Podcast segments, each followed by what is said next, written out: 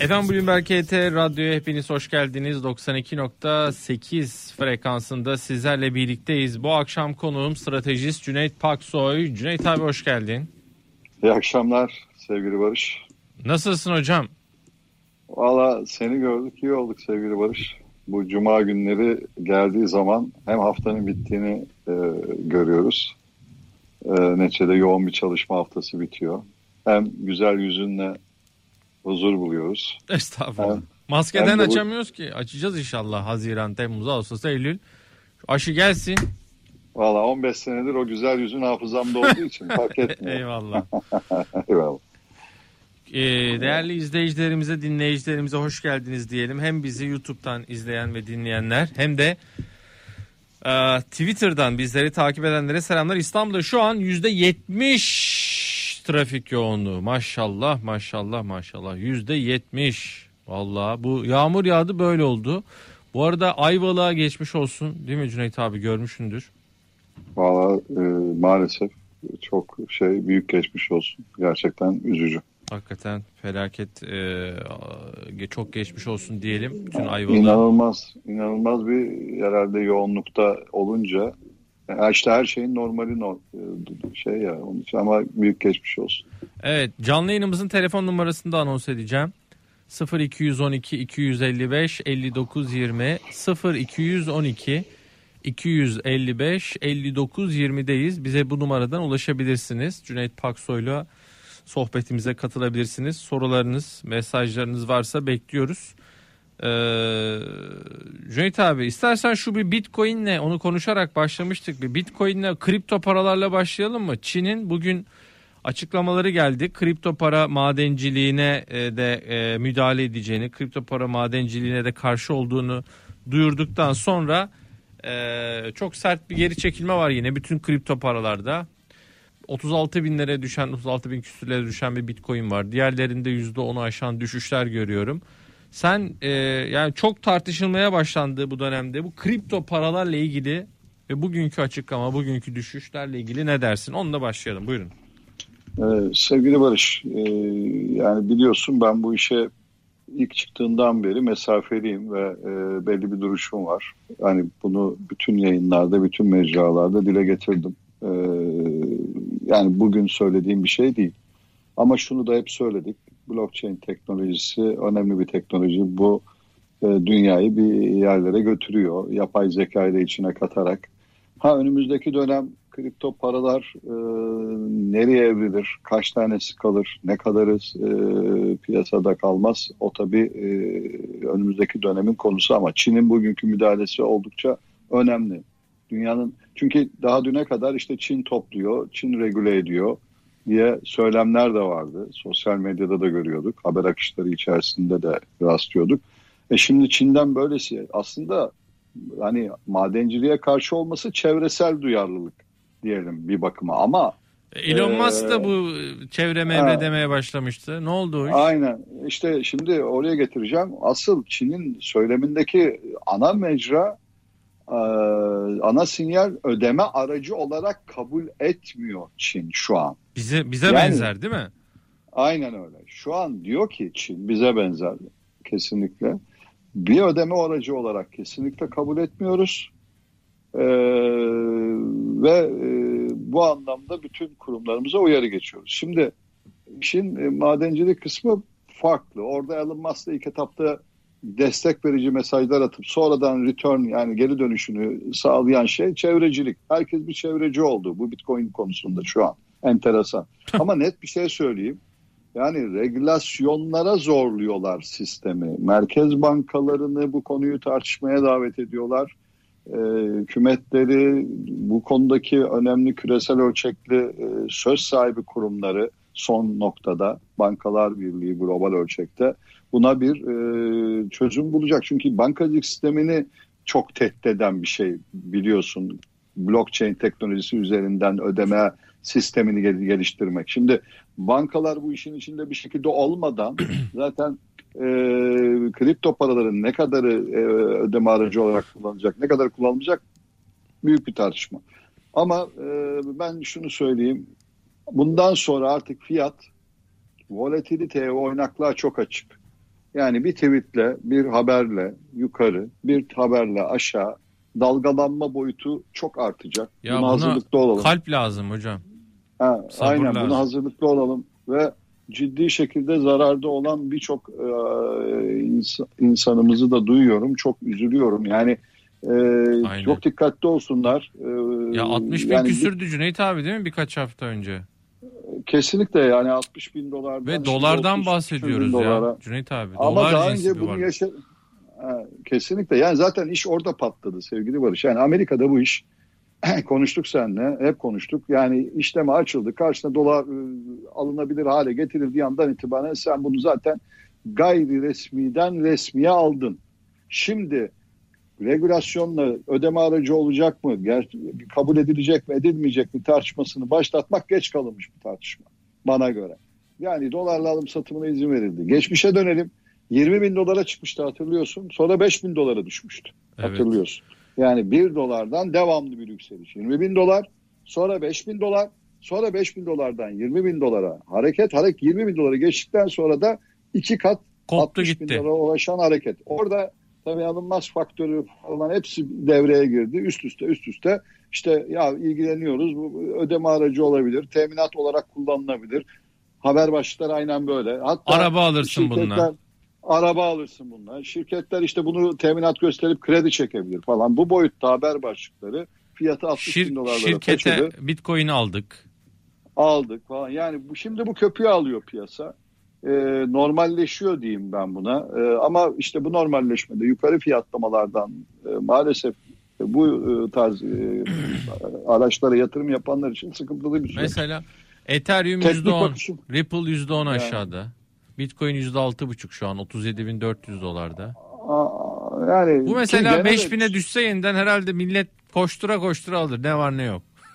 E, tabii çünkü neden? Hafızasal 60 olarak bini- 5000'den 60 bine çıkmış aynen. Değil mi? Yani, bravo. Aynen öyle. Yani davranışsal finansta 60 binden 5 bine düşmüş bir şey alır ama o 5 bin sıfırlayacak mı? Tekrar 60 bine gidip hatta bir ara 250 binler falan konuşuluyordu. Hatırlıyorsun sevgili Barış? 100 Evet, binler, evet. 250 100 binler çok falan. konuşuldu. Hala Yani da olmaz da şimdi- diyemiyoruz galiba değil mi abi? Yani hani diyemeyeceğiz. Diyemeyeceğiz. Bilmiyorsun Neden ki. diyemeyeceğiz? Yarın çıkar e, ABD tarafında bu işin ana regülatörü çıkar der ki Bitcoin'i ben ödeme sistemi içerisinde kullanmak üzere incelemeye aldım. Böyle bir haber başlıyor. Gelsin. Hatta FED kaynaklı gelsin. Kopar gider. Yani Fena e, kopar. onun için hem de fena kopar. Şimdi bir şey diyemiyoruz ama iki şey öneriyorum. Bir, muhakkak aracılık e, yapacağınız kurumu, size aracılık edecek kurumu çok iyi seçin. Lütfen ve lütfen. Bak bu önemli. Bunun işte örnekleri ülkemizde de yaşadık. Global ölçekte de yaşanıyor. Muhakkak kripto para aldığınızdan emin olun ve bu e, aldığınız e, varlığın e, sanal cüzdanınızda veya hesabınızda aktif olarak o- olduğundan emin olun. Yani iyi bir kurumla çalışın ve para akışının devamlı olduğundan emin olun. Yani paranızı istediğinde paranız gelmeli. Ee, Bunu sağlayabilecek kurumlarla çalışmak çok önemli. Bu bir. İkincisi e, regülasyon bitmeden bütün e, varlığınızla buralara falan yatırım yapmayın. En azından İngiltere Merkez Bankası Başkanı dedi ya geçen hafta. Kaybetmeyi göze alabileceğiniz paralarla kripto paralara yatırım yapın dedi. Aslında çok önemli bir altı çizilecek bir söylem sevgili Barış. Yani bütün varlığımızı, hayatımızı etkileyecek e, büyüklükte paraları değil de belli para yani illa buraya yatırım yapacaksak bir beklenti umuyorsak en azından hayatımızı etkilemeyecek kısımda bir parayı yatırmak oldukça önemli olacak. Son olarak da Bitcoin'in teknik yorumu bazen soruluyor. 20 bin 60 bin düzeltmesi 40 bin 30 bin tam orası %50 düzeltmesi sevgili Barış. Burada tutundu tutundu. 40 bin üzerinde tekrar kalıcı yükselişler başlamalı. Tutunmuyorsa 20 bine aynen geri döner. Sonrası sonra. Peki 0212 255 59 20 canlı yayınımızın telefonu. Borsada 1451 e, hafif yukarıdayız 0.14 sadece. Dolar TL 8.39 orası sakin. E, istersen bir borsa yorumuyla Cüneyt abi e, devam edelim. Ya ben dünkü açıkçası e, bu 120 milyon doz e, aşı haberi sonrası Biraz daha bugün borsanın daha iyi performans göstereceğini sanki düşündüm ama borsa çok hafif. Yani e, hiç Şimdi- neredeyse yatay kapattı. Bankacılık eksi. Dün de hatırlarsan borsa 100 endeksi e, aşağıda ama bankacılık endeksi yukarıdaydı. Bankalarda ciddi bir hareket var bu arada. Bunu da görüyoruz. Var var. Şimdi çok Yani- güzel bir konuya değindi. Ben net bir şey söyleyeyim sana. Bu borsa İstanbul 1400 1400 altına inmedikçe maksimum 1350 altına inmedikçe ben her aşağı gelişi yabancı kaynaklı baskı olarak görürüm. Bak bunu çok net söyleyeyim. Dikkat ettiysem iki tane haber var. Birincisi Garanti Bankası hissesinde alınan blok alım. Gara- garantinin dipten yükselişi %20'yi geçti galiba Cüneyt abi. Aynen. Yanlış mıyım? Sen daha iyi altı görüyorsundur. 60'tan 6.60'dan 8.20'lere giden garantinin Çok büyük hareket Hareketi- kısa sürede. çok büyük hareket. Çok büyük. Çünkü e, önemli bir fon, e, önemli bir kısmını piyasadan almış. Şimdi ya e, haftalık girişte de son e, dönemin en yüksek Bloomberg HT e, kanalında, e, finans portalında haber geçmişsiniz. Haber başlığında belli.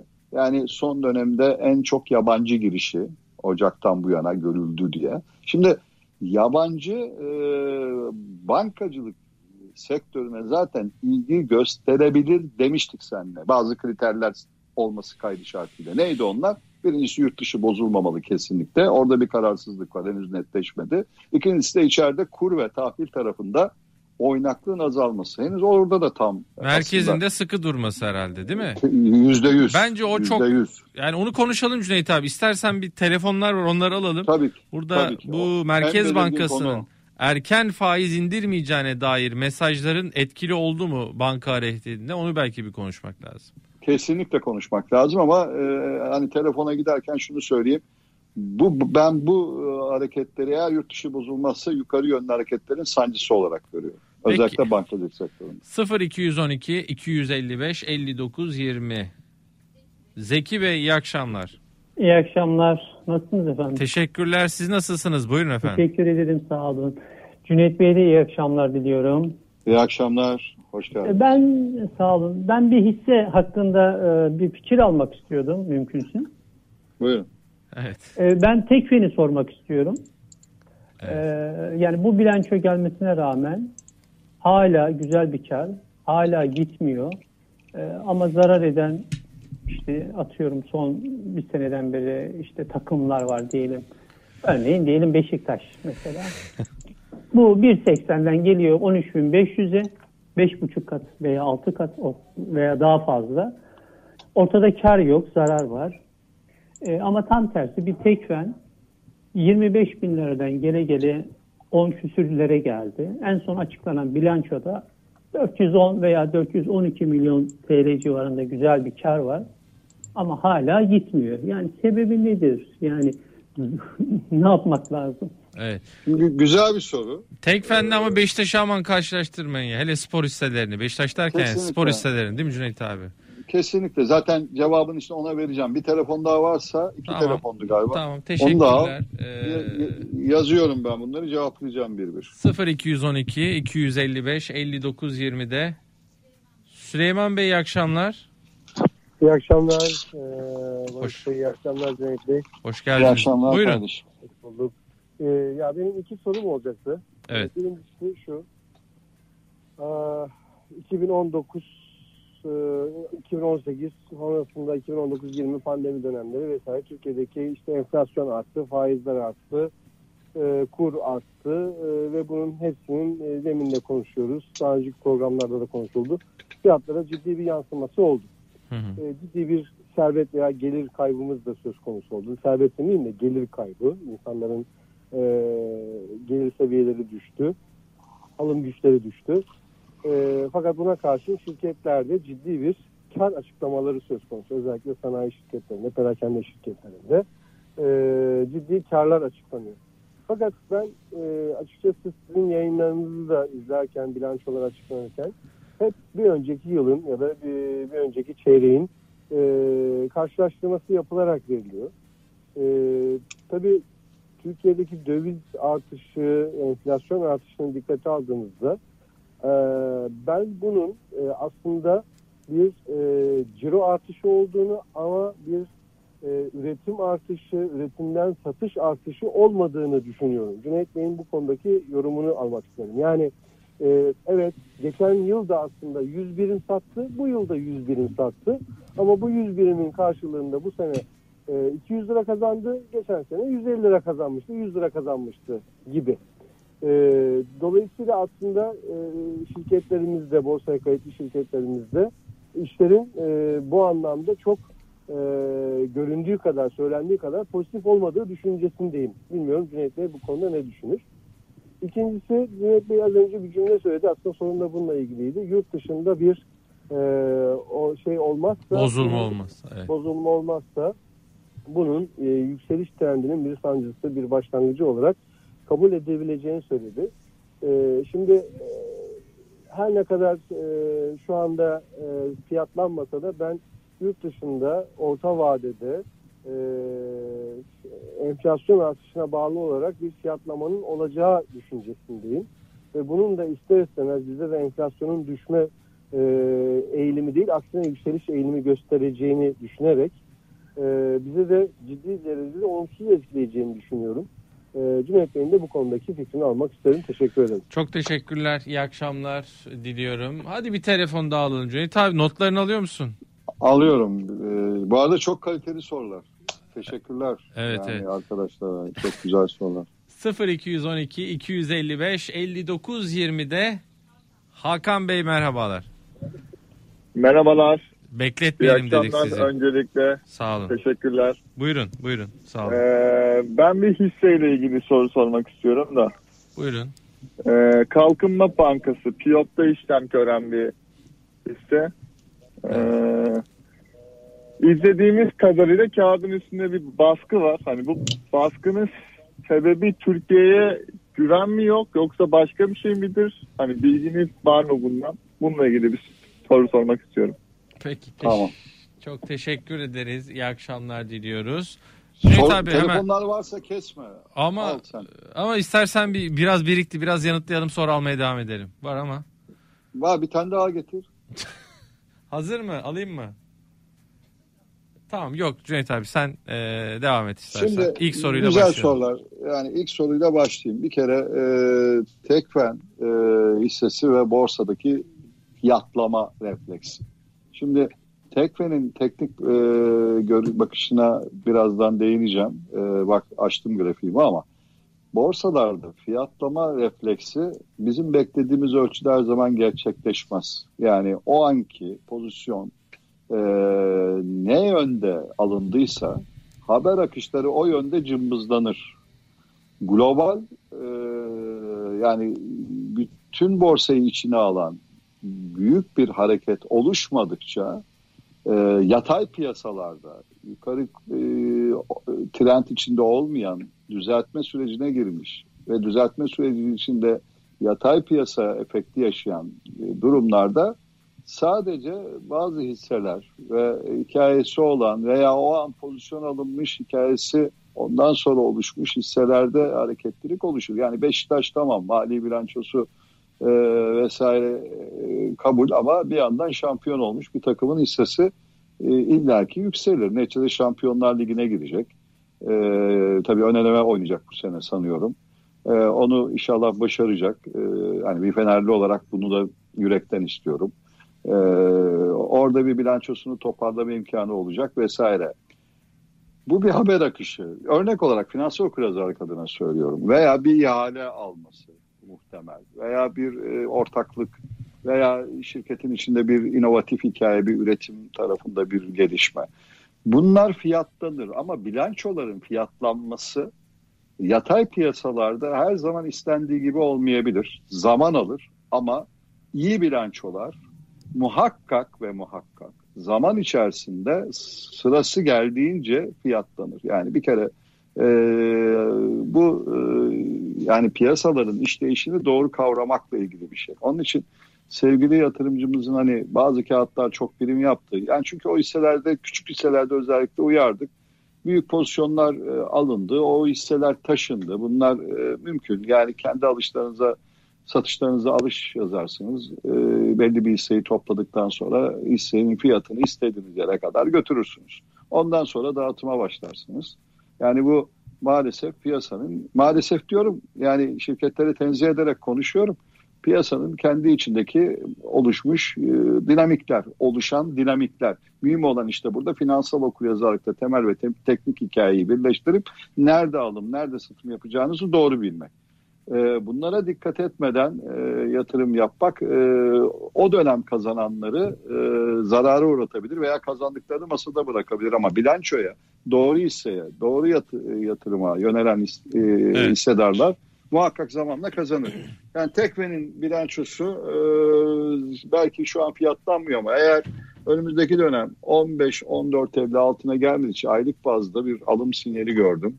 Açıkçası bir 18 hatta e, 23'lere kadar bir hareket belli bir orta vadede mümkün. E, tekrar o 25'lere dönmesi yani mümkün. Ama haftalık bazda henüz alım sinyali gelmemiş. Bir yorgunluktan, e, bir yatay piyasadan bir sıkışma bandı var. Çünkü aşağıda e, onlara yaklaştıkça alım geliyor. E, 13'lere en son gelmiş, oradan bir alım gelmiş. Ama yukarıda eğer e, hele bir 17.50'yi kırarsa e, 20 ve üzeri bir fiyatlama mümkün. Günlükteki o satış sinyalinin yalnız e, ala dönmesi de önemli olacak. Yani o bilanço önümüzdeki dönem fiyatlanır. Gelelim ikinci arkadaşımızın sorusuna. Şimdi 2019 karlar, bilançolar hakikaten hak edilmiş bilançolar mı? E, herkes dediği gibi e, sıkıntı yaşarken, herkes derken yani toplumun önemli bir bölümü diyelim.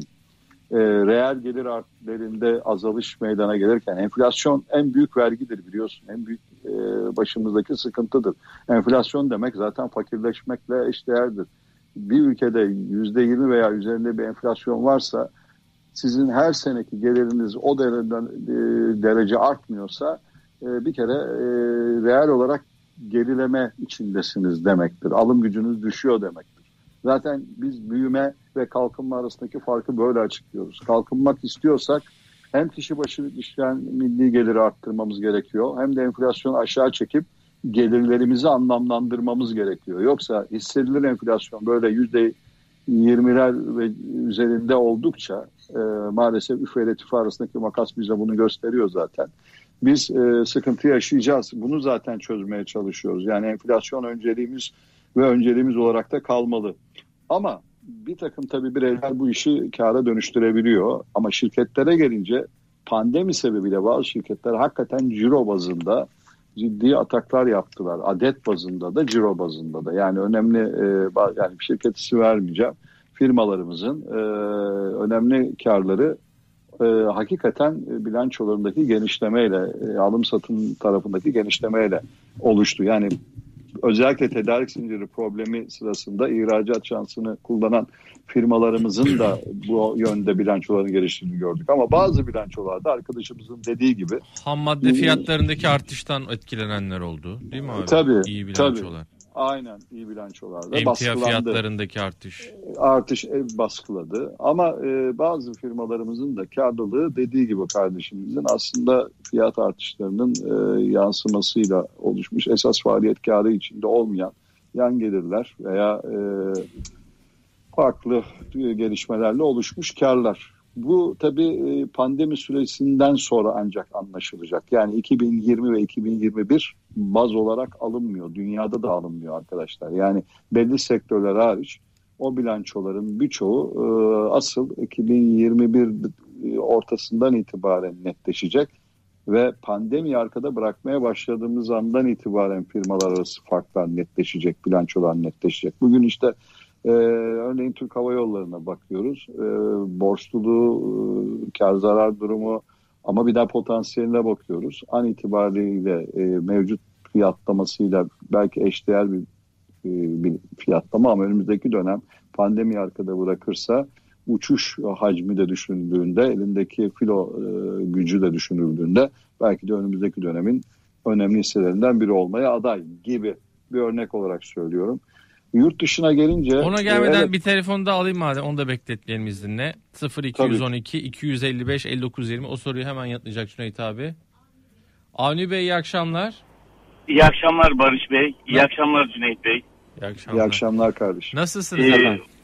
sağ ol biz bu e, çok yoğun trafikte sizleri dinlemekten büyük keyif alıyoruz. İyi ki varsınız yoksa bu yol gerçekten bitmez. Gerçekten. Neredesiniz şu an? Kıpkırmızı Ee, trafik. val- e, evet tekstil kentten Isparta Kule'ye gitmeye çalışıyorum ama gitemiyoruz. Duruyoruz kalkıyoruz. Mahmut Bey'e kadar sıkıntı ben söyleyeyim. Bugün yolumuzu da aç- açamadık. Cumhurbaşkanımız açılışını yaptı ama dört gözle o yolu bekliyorduk. Bir bypass yapalım Mahmut Bey dedik o da olmadı. Kısmetse haft- e, önümüzdeki günlerde inşallah diyelim. İnşallah. Buyurun. Ee, ben çok farklı bir şey soracağım. Ee, çok uzun vadeli, e, çok genel bir soru olacak. Hı hı. Şöyle ki, e, yorumcularımız hep uzun zamandır eskilerden şunu söylerlerdi. E, Borsa hep önden gider, geleceği satın alıyor diye. E, e, bizim de hikayemizin olması lazım geleceğe yönelik. E, işte çünkü petrolümüz yok, doğalgazımız yok diyor idik. E, biz kaliteli ürünümüz yok, e, ihraç ürünümüz yok, e, katma değeri yüksek diyor idik. Şimdi ben bakıyorum, e, doğalgaz bulduk, fena da değil diye düşünüyorum. Cumhurbaşkanımız yeni bir açıklamada e, bir sinyal de verdi. E, savunma sanayinde ciddi bir atılım var. Bunun sivil sanayiye de yansıyacağı söyleniyor oradan doğru. Bunlar ciddi şeyler. E, borsa bunları hiçbir şekilde görmüyor diye düşünüyorum. Ne zaman görmesi gerekiyor? İnanmıyorlar mı? Ya da başka parametrelere de mi bakılıyor? Nedir o parametreler? Bu e, yeni bir petrol, doğalgaz bulunursa biz bunun artılarını görmeyecek miyiz?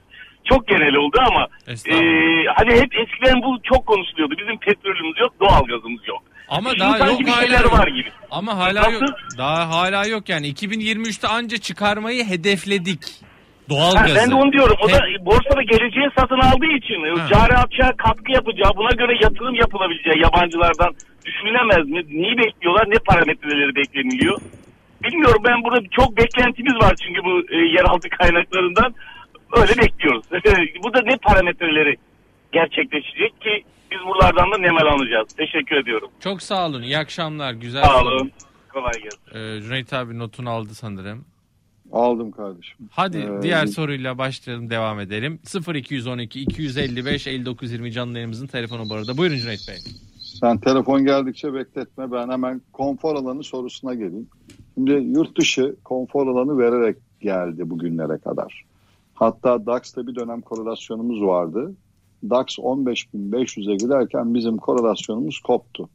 Ee, kendi içsel dinamiklerimiz sebebiyle. Kur tarafındaki hareketlilik, kurun 8'in üzerine gelmesi, dolar TL'nin özellikle. Ee, 8-8.60 bandına gelmesi. E, tahvil faizlerinin yükselmesi, Merkez Bankası'nın faizleri yüksek tarafta e, tutma mecburiyeti, enflasyonla mücadele ve finansal istikrar amaçlı. Bizim bu konfor alanımızı daralttı ve Borsa e, İstanbul o dönemde düzeltme sürecini e, daha derin yaşadı. Hala da bu süreci tam atlatabilmiş değil. E, an itibariyle 2 sentin altında bir Borsa İstanbul var ve e, 2008 krizinin e, dolar bazlı 2008 krizinin altında bir bankacılık endeksimiz var. dolar bazlı. Şimdi böyle bir bankacılık endeksine artık alımlar gelmeli normal şartlardan. Böyle bir 2 sentin altında Borsa İstanbul her seferinde 2 sente 2,5 sente çok rahat gidebilen yani daha üstü için biraz daha güçlü hikaye lazım ama e, gidebilen bir e, Borsa İstanbul'umuz var. Kesinlikle haklı sevgili izleyicimiz. Ben de oraya takığım zaten. Dikkatle takip ediyorum. Biraz borsalarda yorulma var. S&P 500 ve DAX gibi major borsalarda. Çünkü enflasyon tartışmaları e, günden güne e, daha çok konuşulur hale geldi. Hatta Çin'den, Çin'i konuştun ya kripto paralarda. Şimdi Çin'in e, enflasyonla ilgili de emtia tarafını hedef alan bazı açıklamaları vardı biliyorsun. E, arz talep dengesini düzenlemek gerekiyor diye Çin devlet başkanından bir açıklama vardı. Çok ilginç. Emtia tarafını yükselten onlar ama böyle de bir açıklama yapıyorlar. Şimdi Avrupa Merkez Bankası'ndan az önce bir açıklama gördüm e, Lagarde'dan. Enflasyon kısa vadede sorun ama orta ve uzun vadede normalleşecektir. 2021'e özgü e, bir sorun olarak kalacaktır diyor. Yani biz masadan kalkmayacağız diyor Türkçesi. Zaten öyle bir lüksümüz yok demişti. İtalya varken zaten mümkün değil. Benim baktığım iki tane kriter var. ABD 10 yıllıklar ve dolar endeksi bakıyorduk ama bir şey seninle konuşmaya başlamıştık yani. Yayınlarda söylüyorum epidir. Ee, İtalya ile ABD oyuncular arasındaki İtalya oyuncularla makas kapanmaya başladı sevgili Barış hafiften. Yani İtalya faizleri 0.40'lardaydı, 0.50'lerdeydi. An itibariyle 1-1.20 bandına geldi. Şimdi Alman 10 yıllıkları artıya geçecek neredeyse. aynen bravo nötre geldi. Şimdi arkasından İspanya, İtalya İspanya'yı takip ederdi, beraberdiler. Şimdi İtalya yukarı gidiyor, İspanya da hareketlenmeye başladı. İkisi de 2008 krizde 7'lerden aşağı geldiler, unutmayalım. Onun için Avrupa Merkez Bankası o lüksü kaldı, yani e, öyle bir lüksü yok masadan kalkma gibi. Mühim olan FED ne yapacak? Şimdi o 15-16 Haziran'da FED'in toplantısına konsantreyiz. Ee, bugün Çok önemli ilginç, toplantı hocam. Kritik. Ekstra ekstra, ekstra ekstra. Vallahi. Yani ufak ufak sinyaller kalanını- gelebilir mi o toplantıda? Aynen öyle. Yani tutanaklara bak. Konuştuğunuz konuklarınızda tutanaklarda ya bu tahvil alımını konuşalım şeklinde yorumlar var. Oy hakkı bulunmayan Kaplan'ın falan yorumları vardı biliyorsun. Şimdi Kaplan kaplan içine- gibi. Şahin. aynen aynen ekstra şahin. Şimdi tutanakların içine girmeye başladı. Yalın Pandora'nın kutusunu açtı bir türlü kapatamıyor. Şimdi böyle bir haber vardı bugün. Çok ilginç değil mi? Piyasaları geçen hafta kötü istihdam verisi toparladı. Yani FED masada kalır diye. Evet. Bugün de ne toparladı dün ve bugün? 10 yıllık tahvil ihracına çıkıyor Amerika Birleşik Devletleri enflasyona endeksti.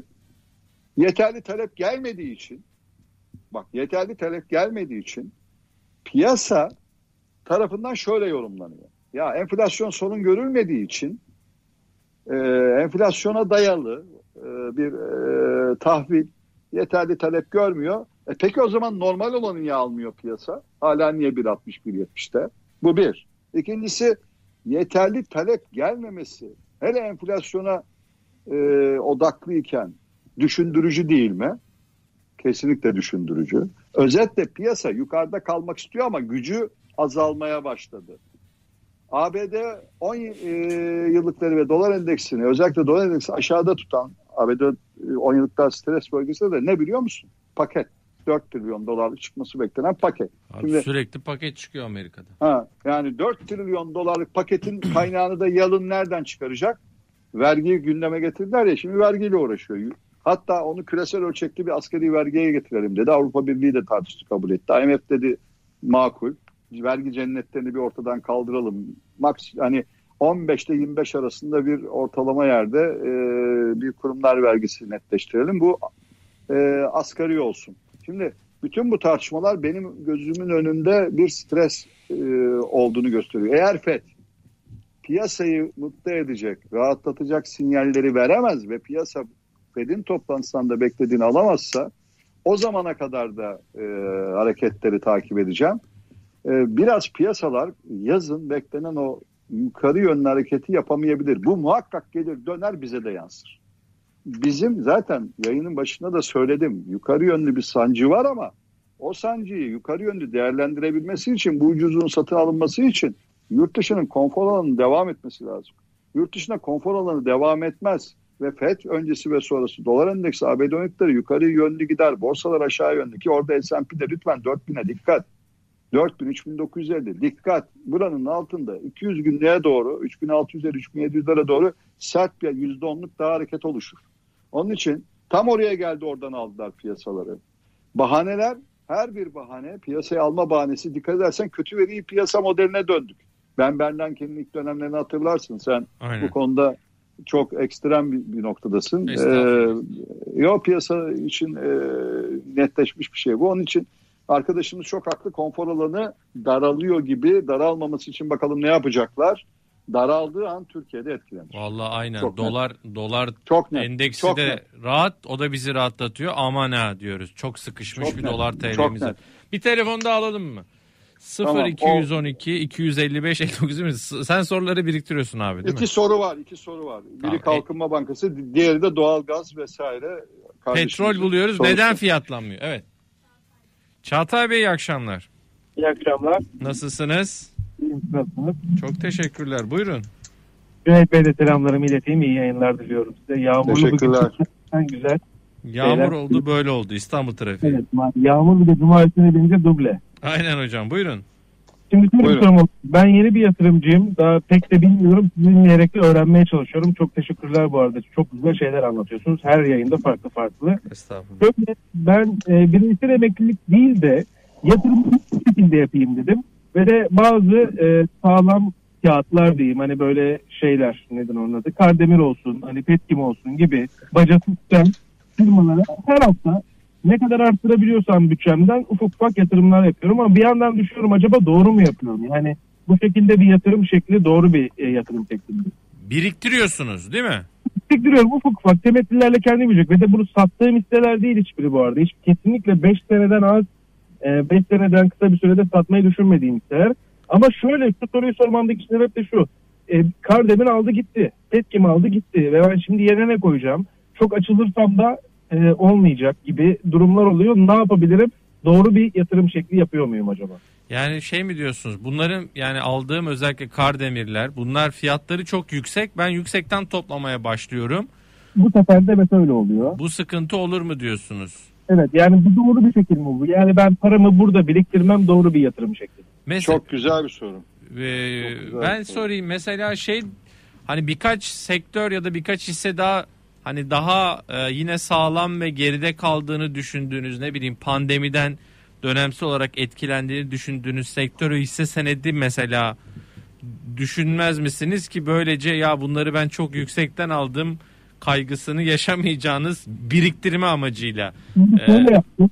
Ee, şöyle Mesela bir ban- banka mesela değil mi Cüneyt abi bilmiyorum sen daha iyi ifade edersin ama Evet banka koydum bir tane araya çünkü şu an çok düşük olduğunu düşündüğüm için sizi de dinlediğim için bir tane araya banka koydum. Ayrıyeten Arçelik'i sevdiğim için ve inandığım için Arçelik de koydum mesela. Ama E, yine tamam. de hani çok limitliyor beni bu e, sürekli her hafta alıyor olmak beni çok limitliyor. Mesela her Hafta... bu hafta hafta düştü, oley bir şey düştü dedim sonunda alayım dedim. Tamam. Anlatabilir miyim yani? tamam çok güzel soru bence Cüneyt abi süper soru. 10 numara. 10 numara. Çok teşekkür ederiz yanıtlayalım. İyi akşamlar. Hem e, bir araya gidelim mi Cüneyt abi? Kısa bir aramız var. Çünkü reklamı Tamam. yakalamamız lazım 8 önce. Çok güzel sorular birlikte hepsini yanıtlayacağız. Çok kısa bir ara sonra buradayız. Kesinlikle. Efendim döndük. Ee, Bloomberg KT Radyo'dayız. 92.8 frekansında e, reklam arasındaki sohbeti. Cüneyt abi sen yayına mı girdik zannettin? Bir an girdim hemen grafiğe. Eyvallah. Yani öyle girdim. Hemen o zaman Eyvallah. vakit kaybetmeyelim. Ee, Kalkınma Bankası sorusu vardı. Ben ekranı da sana veriyorum ve sözü de sana bırakıyorum. Buyurun. Yani şimdi bu aylık bir grafik ve aylık grafikte e, 47'ler yüksek olarak etiketlenmiş e, 10. ayda 2020'nin devamında bir düzeltme hareketi ve e, düzeltme hareketinde an itibariyle kapanışımız 22.40. Çok önemli bir desteğe yaklaşıyoruz. 19.50'ler. Zaten destekleri bir bir kırmışız da 19.50 aylık bazdaki stopumuz. Şimdi ee, bunu haftalığa çevirdiğimde bir alım sinyaline doğru hazırlık var. Eğer 20 maksimum 19'lar geçilmezse aşağı yönlü yukarıda 26'ın üzerinde kapanışlar geldiği andan itibaren ilk etapta kendini bir 30-32'lere atabilecek potansiyel birikmeye başlamış e, hissede.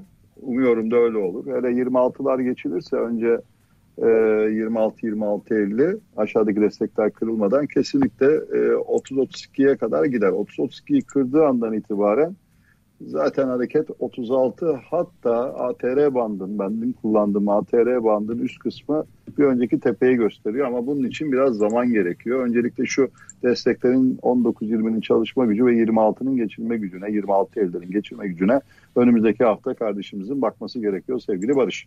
Gelelim diğer sorulara.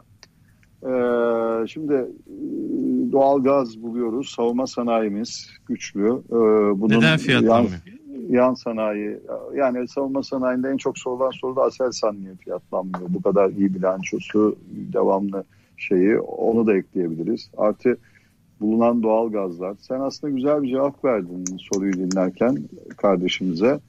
Ee, evet borsada beklentiler alınır doğru ama borsada beklentiler alınırken bazen yatırımcı bazı kriterlerin de oluşmasını bekler. Şöyle ki e, an itibariyle bankacılık endeksinin bu kadar baskı yemesinin e, ve Borsa İstanbul'un e, aslında TL bazlı rekorlardan çok uzak değiliz. Problem dolar bazlı grafiklerde yani yabancı e, son birkaç gündür, son bir hafta 10, 10 hatta 15 gündür alım yönünde tekrar realize olmaya başladı ama neticede yabancı takasına baktığımızda 42'lere kadar düşmüş bir yabancı takası var oran olarak. Şimdi onun bir 50'lere doğru gitmiyor, gitmesi gerekiyor ki Borsa İstanbul aktif olsun ve bankacılık endeksi. Şimdi neye bakıyor peki? İki şeye bakıyor sevgili kardeşim. Orta ve uzun vadedeki o Türkiye'nin hikayesini muhakkak satın alacak ama o e, bulunan kaynakların aynen Barış'ın dediği gibi bilançoya girmesi yani ödemeler dengesini e, etkileyecek şekilde e, aktif olarak realize olması çok önemli. O ana gelmeden fiyatlanmaya başlanır mı peki? E, zaman yaklaştıkça başlanır. Yeni kaynaklar gelirse Sayın Cumhurbaşkanımız öyle bir müjde verirse onlar etkilenir mi? Muhakkak etkilenir. Ama onların satın alınmasının kuvvetlenmesi, momentum kazanması iki şeye bağlı. Net olarak. Birincisi hep söyledim yurt dışı konforu az önce cevapladık. Ama içeride de kur ve tahvil tarafında Merkez Bankası'na bağlı çok önemli bir hassasiyet var. Şimdi ardışık enflasyon verileri ve ardışık iki toplantı çok önemli sevgili Barış e, ve sevgili kardeşimize bir cevap olarak. Yani bunların satın alınabilmesi için. Merkez Bankası'nın enflasyon tepeyi bir nerede göreceğiz bir onun netleşmesi ve o tepeyi gördükten sonra aşağı yönlü hareket oluşmaya başladığı andan itibaren Merkez Bankamızın sıkı para politikasını koruması oldukça önemli. Çünkü hedeflenen enflasyon bu yıl için Merkez Bankası'nın revize ettiği seviye 12'ler biliyorsun. Piyasanın enflasyonu nerede? 13-14'lerde beklenti olarak. E, peki o alanı kullanacağı yer neresi? Enflasyonda bir e, 17'lerin altını kırmaya başlamak, o yukarı yönlü trendten çıkmak gerekir. Hani Nisan'da tepeyi görmemiz büyük ihtimal diyordu ya Sayın Başkan. Şimdi onu bir görmek gerekir. Ya da Mayıs'ta en fazla bir tepe görülüp ve Merkez Bankası'ndaki sıkı duruş. Bunu piyasa içselleştirirse yani kurumda devamlılık esastır. Çünkü neticede bir isim değişikliği oldu. Piyasaları etkiledi bu. Kurumda devamlılık esastır noktasında e, piyasa kendini içselleştirirse yavaş yavaş bu kur tarafında da biraz döviz tevdiat tarafında 8.50-8.60 civarında bir bozulma devam ediyor. Kısmi de olsa azar azar da olsa. Artı yabancı e, piyasaların açık olduğu dönemde 8.50-8.60 deniliyor ama orada tabii pivot bir tarih var. FED toplantısı dışında bizim için önemli ve Merkez Bankası ve enflasyon verileri dışında. 14 Haziran'da Sayın Cumhurbaşkanı Erdoğan'la Biden arasında NATO toplantıları zirvesi içerisinde gerçekleşmesi beklenen görüşme. Şimdi o görüşme öncesi ve sonrası Amerika ile Türkiye ilişkileri de neticede e, finansal ve fiyat istikrarı açısından stratejik önemde e, jeopolitik risk başlıkları. Bunlara da bakıyor piyasalar. Yani Türkiye'nin hikayesinin netleşmesi noktasında e, turizmin bu sene kazanılacak mı kazanılmayacak mı? Oradan bir açık verecek miyiz? Yani ödemeler dengesinde ek evet. baskı oluşacak mı? Bütün bunlara bakar. Bunlardan netleştiği andan itibaren bu alımlar hızlanır. Ama buradan bile birileri girer, iki sente oynar. Ama daha yukarı yönlü bir borsa İstanbul için, iki buçuk sent bir üzeri bir borsa İstanbul için e, dediğim gibi jeopolitik dinamikler, içsel dinamiklerin netleşmesi gerekir. Yurt dışında konfor alanının bozulmaması gerekir. O zaman o beklentiler satın alınmaya başlanır sevgili kardeşim Peki. diyelim. Diğer Son soru. olarak da borsada birikme, biriktirme. Çok önemli bir konu. Kesinlikle en doğrusunu yapıyorsun sevgili kardeşim. Yani ben kimi gördüysem borsada uzun vadede kazanmış e, ya doğru hisseye yatırım yapmıştır ya da doğru hisselerde biriktirerek e, alın terini, tasarrufunu yönlendirmiştir ve o biriktirdiği paralarla ev alabilir hale gelmiştir. Fakat model portföyü oluşturmak çok kıymetli ve önemli.